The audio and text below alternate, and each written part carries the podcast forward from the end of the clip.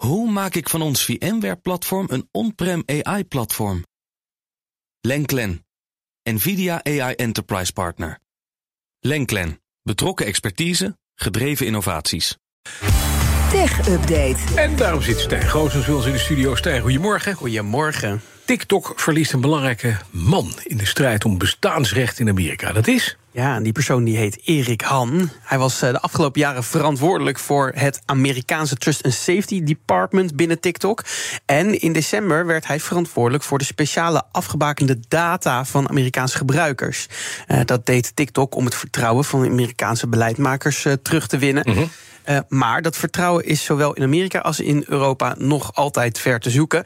En ook uh, op het verbod of de verkoop van het Amerikaanse deel van TikTok is nog weinig koersverandering zichtbaar.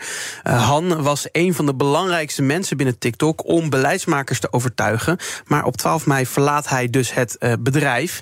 Het is niet bekend waarom hij officieel weggaat, maar er waren al verhalen bekend over zijn onvrede rond zijn nieuwe functie sinds december. Hij wilde namelijk helemaal niet de hoofd, het hoofd worden voor dataveiligheid van Amerikaanse gegevens. Hij was uh, gefrustreerd zelfs dat hij zijn vorige functie als hoofd van Trust and Safety niet mocht voortzetten Aha. toen de Amerikaanse en wereldwijde Trust and Safety tak samengevoegd werden. Uh, hij zou zijn nieuwe functie als gifbeker omschrijven. en uh, het is volgens hem een functie die op papier goed lijkt, maar eigenlijk maken ze van hem gewoon de zondebok.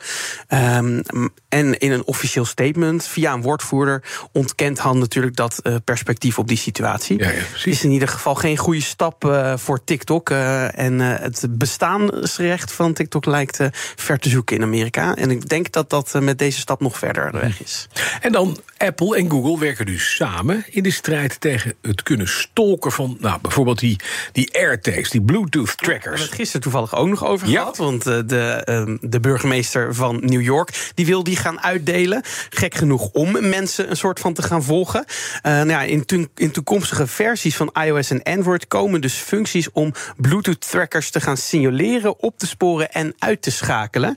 Uh, zulke Bluetooth-trackers zijn dan inderdaad die Apple AirTag of uh, van het merk van Tile. en Samsung heeft ook zo'n tracker. Mm -hmm. En die kleine apparaatjes die kun je gebruiken om verloren spullen terug te vinden. Daar zijn ze in principe voor bedoeld. doordat ze een signaal afzenden van hun locatie. En dat is bijvoorbeeld handig als je je tas kwijt bent op een vliegveld. Of als je je fiets in een hele drukke fietsenstalling hebt uh, uh, verloren. Uh, maar ja, die trackers die worden dus ook gebruikt om mensen te volgen en te vinden. Ja. En dat is niet de bedoeling. En nou heeft Apple bij haar AirTag al enigszins voorzorgsmaatregelen getroffen. Zo heeft het apparaatje een melding aan, geeft hij een melding aan de persoon die mogelijk gevolgd wordt. Maar dan moet je wel een iPhone hebben. Dan krijg je een melding op je iPhone van: hé, hey, er is een AirTag die jou de laatste tijd volgt.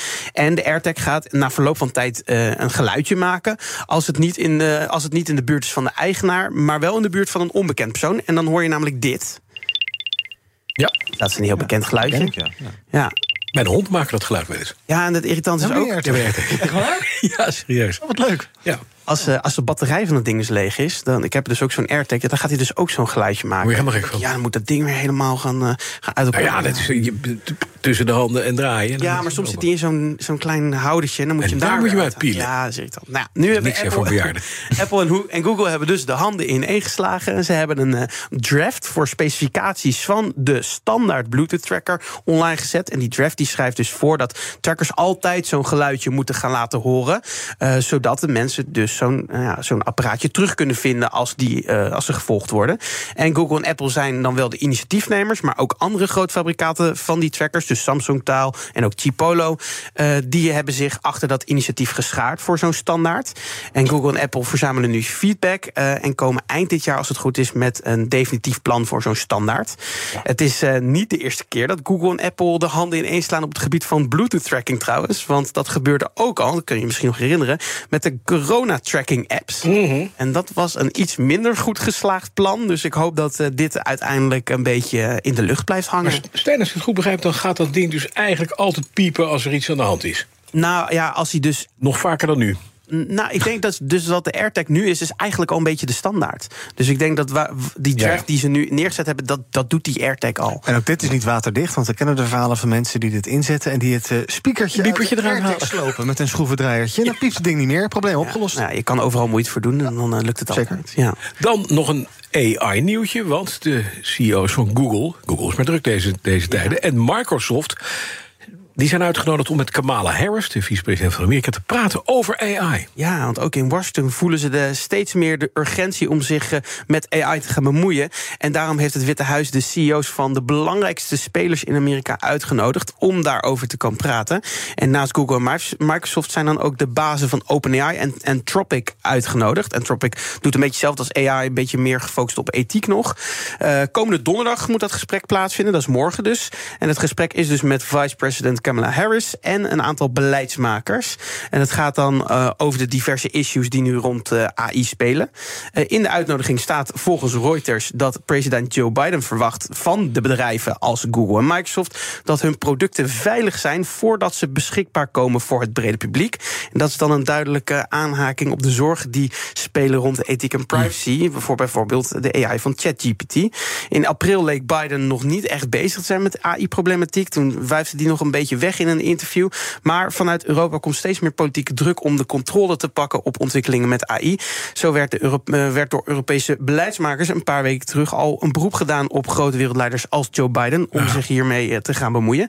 En we gaan donderdag vast horen hoe dat gesprek gelopen is. Eh, Morgen al, hè? Ja, en ja, Biden is er dan niet bij, maar Kamala nee. Harris wel. Ja, vanmiddag is er eerst om drie uur gaat uh, het laatste technieuws voorbij komen. BNR Digitaal, wat wordt er besproken? Ja, dat gaat, gaat over de nieuwe koers van techbedrijven. Het lijkt erop dat de bepaalde techreuzen steeds meer afscheid nemen van online advertenties als verdienmodel. En steeds meer gas willen geven op cloud en AI. En Joe en Mandy bespreken uh, hoe die verhouding tot die nieuwe koers nu is. En hoe daar geld mee te verdienen gaat, uh, verdiend gaat worden.